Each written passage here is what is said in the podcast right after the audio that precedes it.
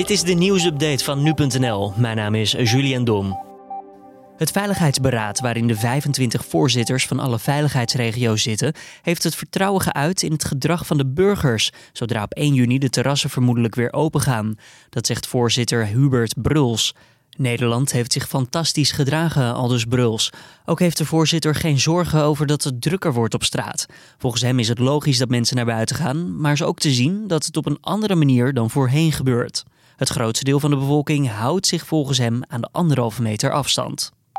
De zoekactie naar meerdere watersporters in zee bij Scheveningen is maandagavond gestaakt. Eerder werd al bekend dat zeker twee mensen na poging tot reanimatie zijn overleden.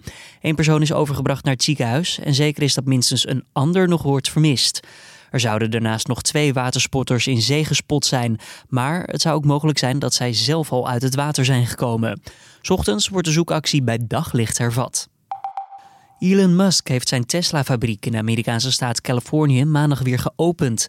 Een besluit waar de lokale autoriteiten het niet eens mee waren. Musk heeft op Twitter laten weten bereid te zijn om gearresteerd te worden. Fabrieken mogen in de staat Californië langzaam maar zeker weer opgestart worden, maar de gemeente waar de Tesla-fabriek staat zet een streep door de heropening. Beide partijen zijn met elkaar in gesprek over een oplossing. Nu de horeca binnenkort mogelijk voorzichtig weer kan opstarten, zijn de eerste richtlijnen die voor een veilige situatie moeten zorgen uitgelekt.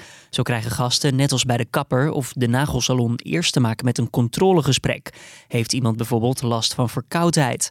Dat blijkt uit de richtlijnen van Koninklijke Horeca Nederland aan hun leden, die zijn ingezien door RTL Nieuws. Er is enkel plek in de horecagelegenheden voor gasten die een reservering hebben gemaakt en bij twijfel over de gezondheid van een persoon kan deze geweigerd worden. En dit was dan weer de nieuwsupdate.